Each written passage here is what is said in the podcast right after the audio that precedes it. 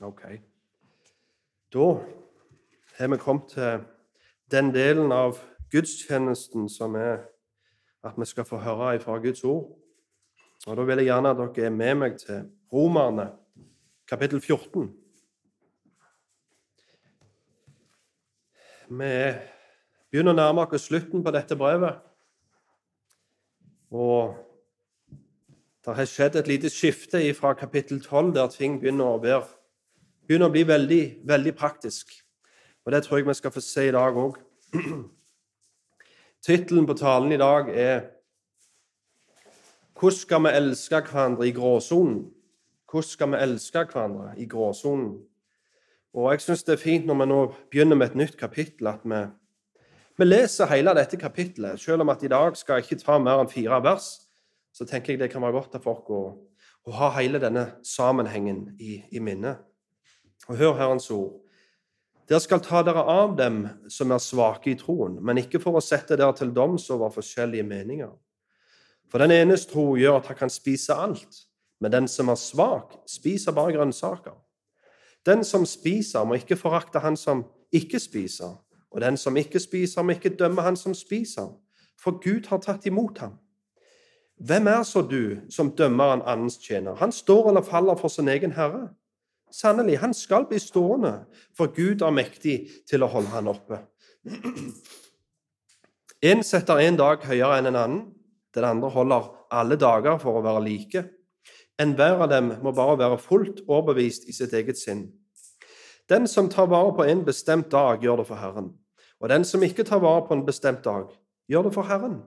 Den som spiser, spiser for Herren, for han gir Gud takk. Og den som ikke spiser, gjør noe for Herren og gir Gud takk. For ingen av oss lever for seg selv, og ingen dør for seg selv. For når vi lever, lever vi for Herren, og når vi dør, dør vi for Herren. Derfor, enten vi lever eller dør, hører vi Herren til. Derfor døde jo Kristus, sto opp og var levende igjen, for han skulle være herre både over døde og levende. Men hvorfor dømmer du din bror? Eller hvorfor viser du forakt for din bror? For vi skal alle stilles fram for Kristi domstol. For det står skrevet, så sant jeg lever, sier Herren, for meg skal hver kne bøye seg, og hver tunge skal bekjenne for Gud. Framfor Gud skal da enhver av oss avlegge regnskap for seg selv. La oss derfor ikke lenger dømme hverandre, men fell heller den dom at dere ikke legger en snublestein eller en årsak til fall i veien for en bror. Da vet jeg det, det vet jeg, og det er jeg overbevist om ved Herren Jesus, at ingenting er urent i seg selv, men for den som betrakter noe som urent, for ham er det urent. Men om din bror blir påført sorg på grunn av maten din, ferdes du ikke lenger i kjærlighet. Du skal ikke med maten din føre til fortapelsen den som Kristus døde for. Derfor må dere ikke la det gode dere har blitt, nei, har, bli spottet som noe ondt. For Guds rike består ikke i å spise og drikke, men i rettferdighet og fred og glede i Den hellige ånd. For den som tjener Kristus i disse ting, er velbehagelig for Gud og består prøve for mennesker. La oss derfor ivrig søke etter det som tjener til fred, og det som fører til oppbyggelse av hverandre. Ødelegg ikke Guds verk for matens skyld. Alle ting er nok rene, men det er ondt for det mennesket som spiser og tar anstøt. Det er godt å la være å spise kjøtt eller å la være å drikke vin eller la være å gjøre noe annet som får din bror til å snuble eller ta anstøt eller bli svak. Har du tro, ja, ha den for deg selv framfor Gud. Salig er den som ikke dømmer seg selv i det han velger, men den som tviler, er dømt hvis han spiser. For det er ikke av tro. For det som ikke er av tro, er synd. Amen.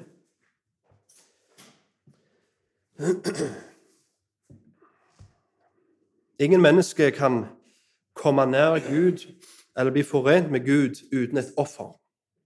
Og Kristus var det offeret som forsonte dere med Gud og ga dere adgang til Han. Og vi trenger ikke lenger å legge noe til det offeret for at vi skal bli mottatt. For gjennom tro til Jesus så har, allerede, har han allerede tatt imot dere.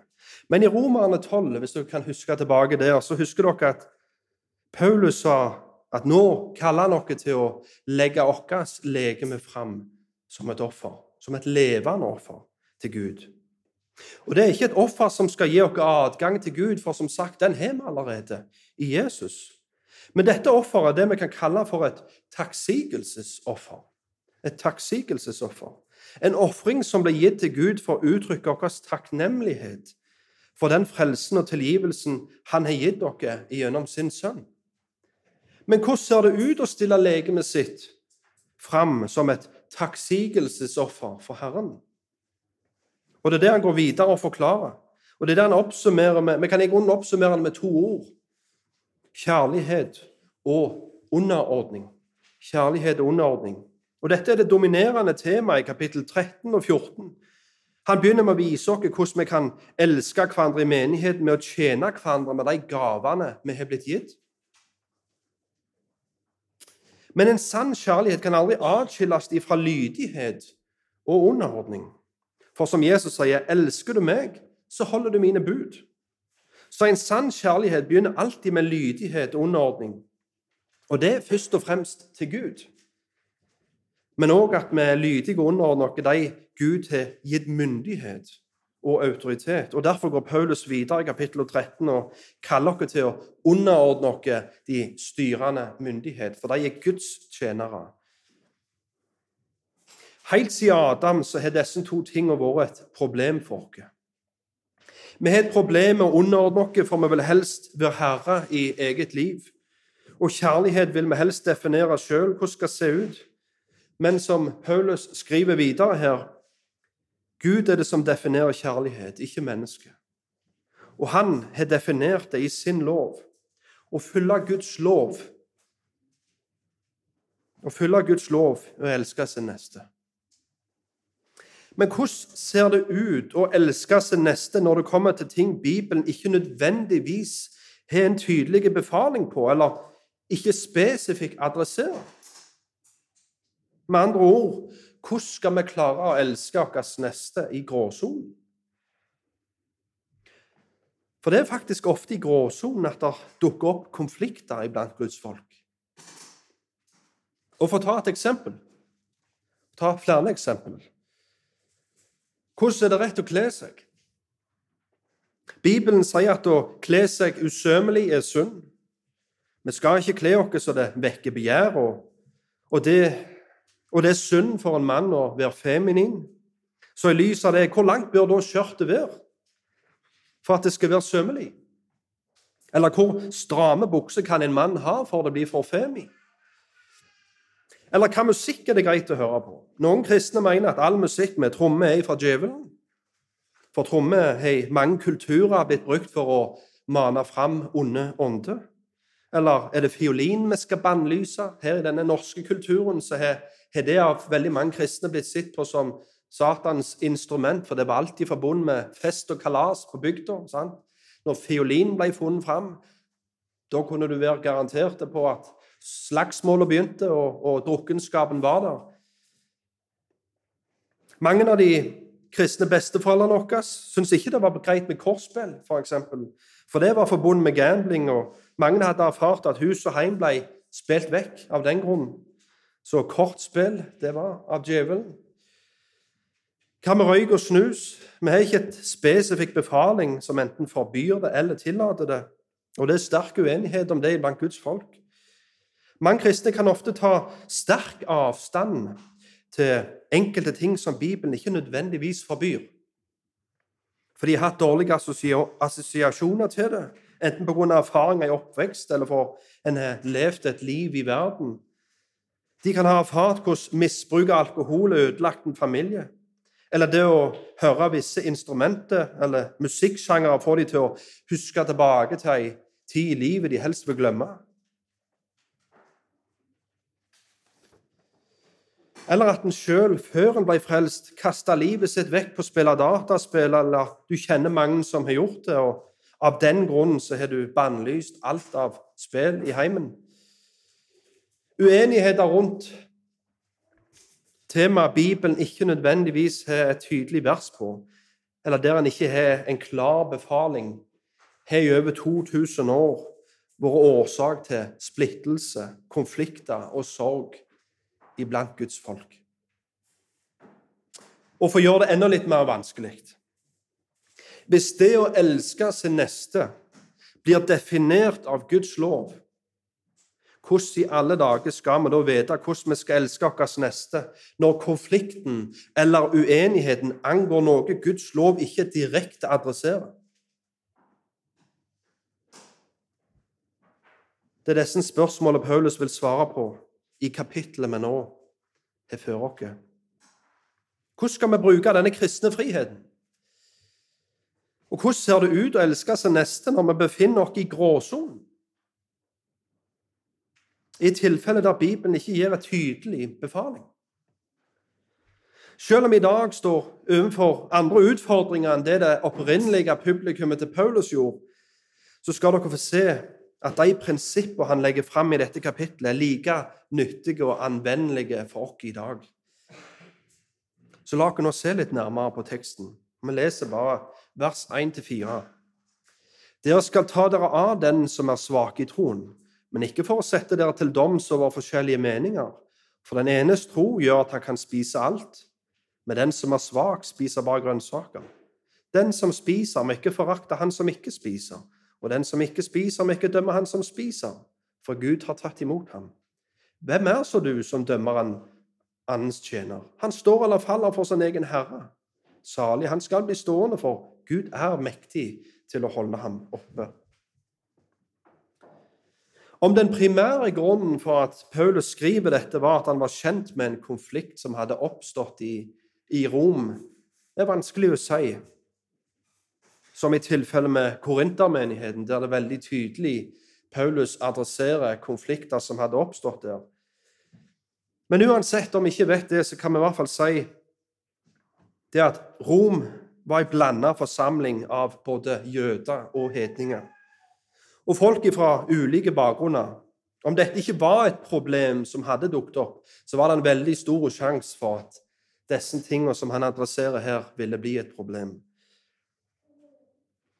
Og Problemet som Paulus forutser, er at det kan dannes grupperinger i menigheten der enheten kan bli ødelagt.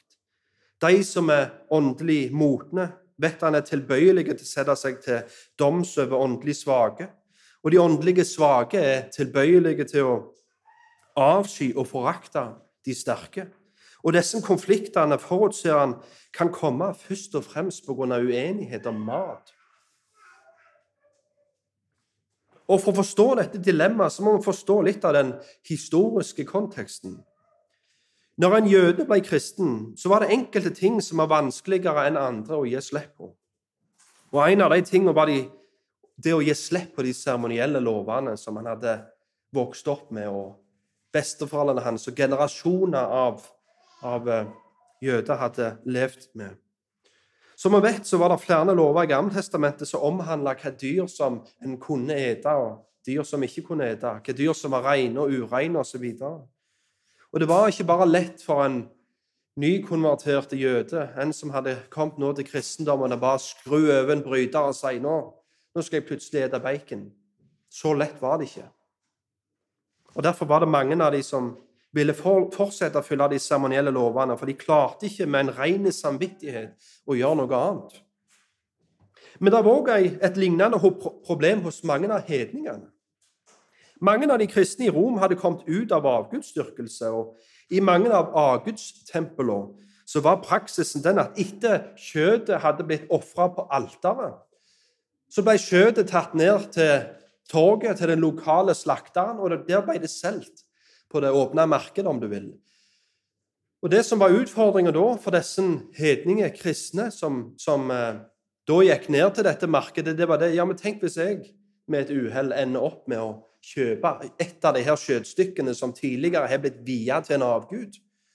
Eller tenk hvis jeg blir invitert på besøk, og så er det en velmeinende host der som legger fram et godt stykke sjø til meg, og så er det et av de der som kommer rett ifra avgudstempelet, vil ikke jeg da, uten at jeg vet det, ta del i denne avgudsdyrkelsen?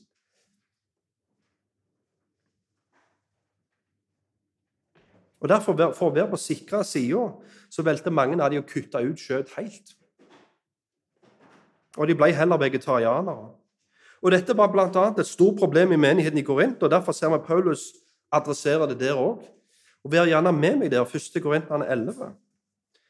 I 1. Korintene 11, fra vers 25 til 31. 1. Korintene 11, vers 25 til 31.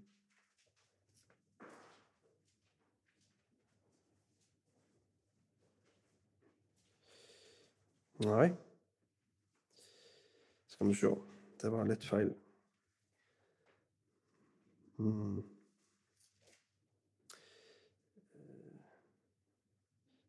Fra vers Jo Kapittel 10. Kapittel 10, vers 25-31. Ok. Alle ting er tillatt for meg, men ikke alt er til nytte. Alle ting er tillatt for meg, men ikke alt oppbygger. Ingen må søke sitt eget, men enhver må søke den andres beste. Spis hva som helst som selges på kjøttmarkedet, uten å stille spørsmål for samvittighetens skyld. For jorden hører Herren til, og alt som fyller den. Hvis noen av dem som ikke tror, inviterer dere til et måltid, og dere vil gå dit, så spis det som blir satt fram for dere. Still ingen spørsmål for samvittighetens skyld. Men hvis noen sier til dere 'dette er offerkjøtt', så ikke spis det av hensyn til den som sa, sa, dere, eh, sa det til dere, og for samvittighetens skyld. For jorden hører Herren til, og alt det som fyller det. Når jeg taler om samvittigheten, mener jeg ikke din egen, men den andres. For hvorfor blir min frihet dømt av en annens samvittighet? Men om jeg deltar i et måltid med takk, hvorfor blir jeg da spottet for den maten jeg har takket for? Enten dere da spiser eller drikker, eller hva dere enn gjør, så gjør alt til Guds ære. Poenget til Paulus i den teksten, og teksten vi nå går gjennom i Romerne 14, er ikke å argumentere for at det er én diett som er sunnere enn en annen eller å henge ut vegetarianere. Jeg sier det, for jeg vet at det, eh, det kan være gøy for enkelte kristne å vifte litt med disse her versene eh, i fjeset til vegetarianerne og, og si at ja, ja, men til og med Bibelen lærer jo at det dere holder på med, er helt tullete. sant? Det, det, kan være lett, men, men, det er ikke det som er Paulus sitt poeng. Han skriver ikke dette for å henge ut folk med med litt andre preferanser i, i matveiene. Men som sagt det, Grunnen til Paulus skriver dette, her er, og det kan oppsummeres litt Paulus, Når Paulus sier 'jorden hører Herren til, og alt som fyller den', så sier han det for å vise at det er ingenting vi kan ete som vil være en form for tilbedelse av en avgud. For alt av kjøtt, alt av mat, er en gave ifra Gud, den ene og den sanne Gud. Og Derfor er det du vil, er det du vil. Vi kan ete alt som blir sett selv på kjøttmarkedet, uten å stille spørsmål for samvittighetens skyld. Det eneste du trenger å tenke på når du er det, er at du må huske å takke Han som forsørger denne maten. Og det er Gud. Jesus, Hvis dere husker tilfellene med Jesus og disiplene sine når de vandrer over kornåkeren, og disiplene tar noe av kornet og maler det opp i hånda si og spiser det. Og Fariseerne kommer og sier at de ikke vasker hendene sine. Nå har de jo blitt ureine. Så sier Jesus det at det er ingenting som går inn i kroppen din som kan gjøre deg urein. Men det er kun det som kommer ut fra kroppen din. Kommer ut fra munnen, om du vil. For det kommer fra hjertet ditt. Så er det du vil, med andre ord. Pris Herren for det, og kos deg. Det er den friheten vi nå har i Kristus. Men er det alt vi trenger å vite? Skal vi tenke at neste gang vi treffer en som ikke har samvittigheten til å ete visse ting, ete kjøtt At oppgaven vår da er å formane dem eller rettesette dem? Eller er det andre hensyn vi må ta? Hvordan ser det ut å elske sin neste når de neste er en kristen som av ulike grunner ikke har samvittighet til å drikke eller spise noe som du vet at Bibelen sier er en gave fra Gud. Hvordan elsker vi Han? Jo, Romerne 14, vers 1. Dere skal ta dere av den som er svak i troen, men ikke forsette dere til doms over forskjellige meninger. Som andre ord, han ber deg ikke om å bære, bare tolerere denne her mannen. sant? Hvis det kommer en til deg som ikke er samvittighet til enten å drikke eller spise eller hva enn det skal være Han sier ikke det. Bare ta deg sammen. Bare tolerer han. Nei, ta imot han. Ta imot han som en bror, som en søster i Herren. Ikke tenk at de er en potensiell bror eller søster. Jeg må bare først få dem til å endre mening på dette punktet. Nei, ta imot dem sånn Herren er tatt imot deg. Og heller ikke ta imot ham med det mål om at du skal få ham til å endre mening. Men ta imot ham med det mål om at du skal elske ham. Vers 2, eller 3, 2 og 3. For den, som, for den enes tro gjør at han kan spise alt, men den som er svak, spiser bare grønnsaker. Den som spiser, må ikke forakte han som ikke spiser. Og den som ikke spiser, må ikke dømme han som spiser, for Gud har tatt imot ham. Paulus prøver ikke her å argumentere for at det er likegyldig om du har ei svak eller ei sterk tro. For det er tydelig at det å ha ei sterk tro bør være målet til oss alle. Men Paulus prøver å vise oss at både den sterke og den svake så er det, For de begge så er det grøfter. Den som er sterk, må vokte seg så han ikke forakter den svake. Og den som er svak, må ikke fordømme den sterke. Det det vil si å ha en svak tro i denne sammenheng, er ikke nødvendigvis at den ene tror mer på Jesus enn den andre. Men at den med en svak tro ikke helt har forstått alle konsekvensene og implikasjonene av Jesu død og oppstandelse. Han har kanskje forstått hvilke konsekvenser Jesu død og oppstandelse hadde for hans sønn, men er men i en kristen jødes tilfelle så har han kanskje ikke helt forstått hvilke konsekvenser Jesu død og oppstandelse fikk for de seremonielle lovene. Og i en hedning sitt tilfelle så har han kanskje ikke helt forstått hva det vil si at Jesus nå er herre over alt. Alt er av han, til han, for han. Så derfor spis det du vil. Gi Gud ære. Gi Gud takk.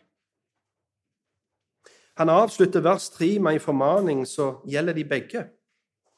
Og Denne formaninga går til kjernen av hva Paulus her prøver å si. Du som er sterkest, skal ta imot han som er svak. For Gud har tatt imot ham. Og du som er svak, skal ta imot den som er sterk, for Gud òg er tatt imot ham. Og Denne formaningen vil han gjenta når han konkluderer dette temaet i kapittel 15 i vers 7, der han sier Ta derfor imot hverandre, slik Kristus også har tatt imot oss, til Guds ære. Ingen kristne har rett til å isolere seg ifra eller å støte ut de Gud har tatt imot. Si Gud er tatt imot dem, så skal vi òg. Og til slutt i vers 4. Hvem er så du som dømmer en annens tjener? Han står eller faller for sin egen herre. Sannelig, han skal bli stående, for Gud er mektig til å holde han oppe. Dette er Paulus' en måte å si Hvem tror du du er? Hvem var det som innsatte deg til dommer over din bror? Ingen truende har rett til å utnevne seg sjøl til dommer over sin bror, for begge er tjenere. Begge er tjenere og de tilhører den samme Herre. Og det er han dere begge skal svare til. Og til deg som er svak, som tror din bror faller når han enten eter eller spiser, eller til du som er sterk, som behandler din bror som en hedning pga. at han ikke, ikke, helt forstår eller, eller ikke helt ser det som du ser, til, til dere begge Herren er mektig nok til å sørge for at dere begge skal bestå. Om dere er imot hverandre, så tjener dere begge en herre som er for dere. Mens dere bryter hverandre ned, så jobber Herren med å bygge dere begge opp. Så hva vil du? Vil du ødelegge det Guds verk som Det verket som Gud holder på å bygge. På grunn av mat eller på grunn av vin eller hva enn det skulle være. Eller vil du være med på det Herren gjør? Vil du jobbe imot Herren, eller vil du jobbe med Han? Og hvis svaret ditt ja, jeg vil ikke ødelegge det Herren bygger, og ja, jeg, jeg vil ikke Jeg vil ta imot den Herren er tatt imot. Og da er det neste spørsmålet hvordan ser dette ut? Hvordan ser det ut? Hvordan ser det ut i praksis? Og det er her det kan begynne å bli litt vanskelig. For i tillegg til å ha det som Paulus kaller for ei svak og ei sterk tro, så har vi òg det som kalles for loviskhet og lovløshet. Den som er sterk, kan fort stemple den svake som du loviske.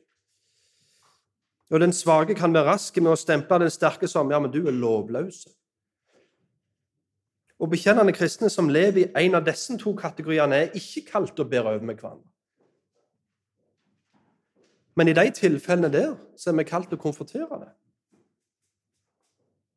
For da er vi ikke lenger i gråsonen. Ser dere det?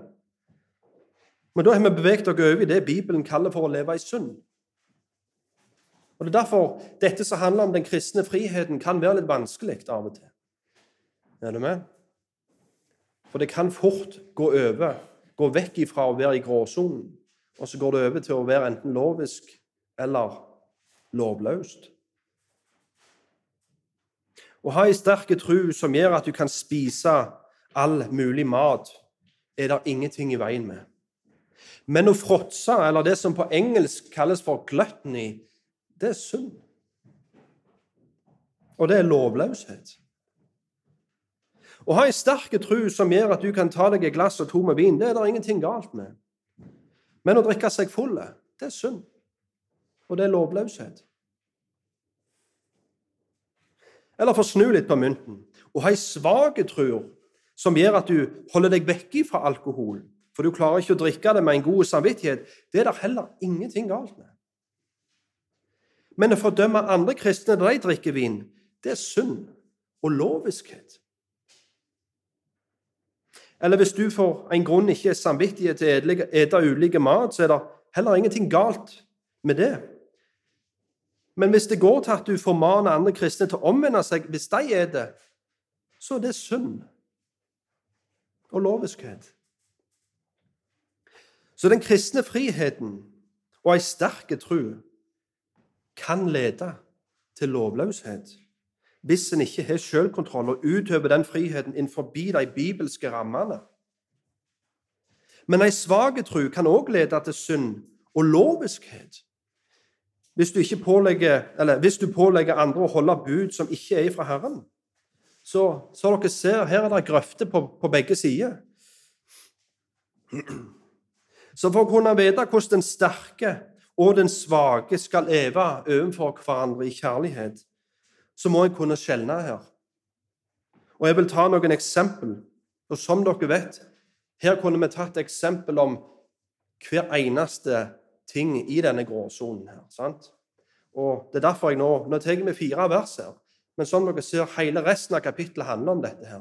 Så hvis dere føler at ja, men det var altfor få eksempel, jeg trenger mer, sant? jeg må vite mer om hvordan dette her skal se ut, ja, fortsettelse følger. Er du med? Så i dag blir det en liten sånn smak, smaksprøve. Hvordan kan en, en med sterkere tro elske en svak bror når det kommer til alkohol, f.eks.? Si du har en bror som er avholds, for han har hatt dårlige erfaringer med alkohol, enten fra oppvekst eller fra sitt tidligere liv. Å elske Han vil kanskje kreve at du legger til side din kristne frihet for ei tid. Og komme opp på sida av denne mannen og vandre i lag med han der han er. Og ikke gjør det først og fremst med et mål om at du skal overbevise om at vinen er jo en god gave fra Gud.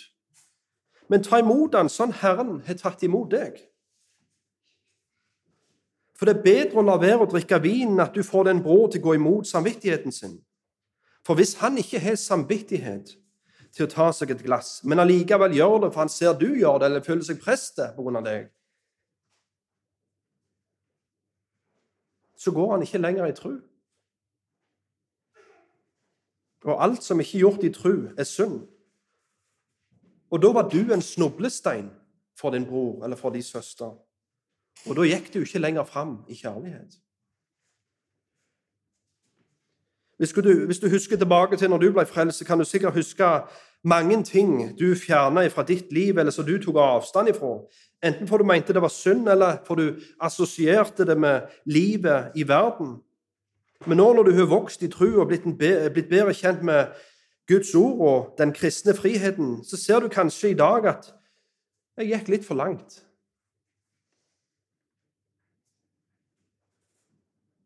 Og det du før ikke hadde samvittighet for, det har du kanskje samvittighet for i dag. Men Herren tok imot deg.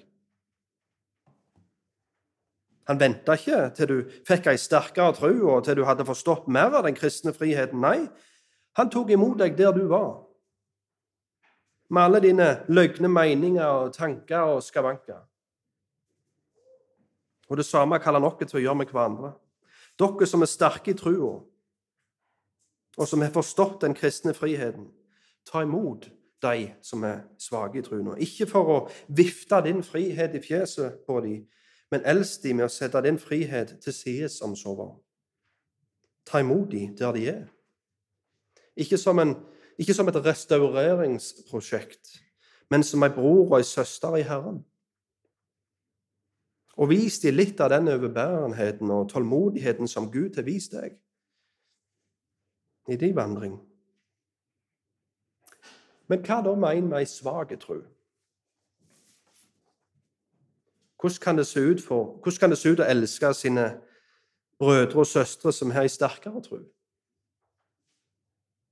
Jo, først og fremst vokt deg så du ikke gjør deg sjøl til dommer over din bror eller din søster. Vokt deg så du ikke gjør din egen samvittighet til standarden du dømmer de ut ifra. Du har kanskje tatt et bevisst valg om å ikke se på film eller TV. Du har kanskje bestemt deg for å ikke høre på musikk som ikke er kristen. Du har kanskje bestemt deg for at du aldri mer vil drikke alkohol, og det går helt fint. Og hvis det er det du har tro for, og hvis det er det som gjør at du kan vandre framfor Gud med en god samvittighet uten å føle deg fordømt, ja, så ha den troen. Ha den troen for deg sjøl og framfor Gud. Men ikke la det som fordømmer din samvittighet, bli en lov andre kristne må følge. For da vandrer ikke du lenger i kjærlighet. Da vi leser i Romane 14, 22. Har du tro? Ha den for deg selv framfor Gud. Salig er den som ikke dømmer seg selv i det han velger. Ser dere den? Ta imot hverandre sånn som Kristus har tatt imot deg. Elsk din bror eller søster der de er. Vis de litt av den tålmodigheten som Gud har vist deg. Bær over med hverandre. Sånn er det vi bevarer enheten i Guds menighet. Og sånn er det vi kan elske hverandre i gråsonen. Amen.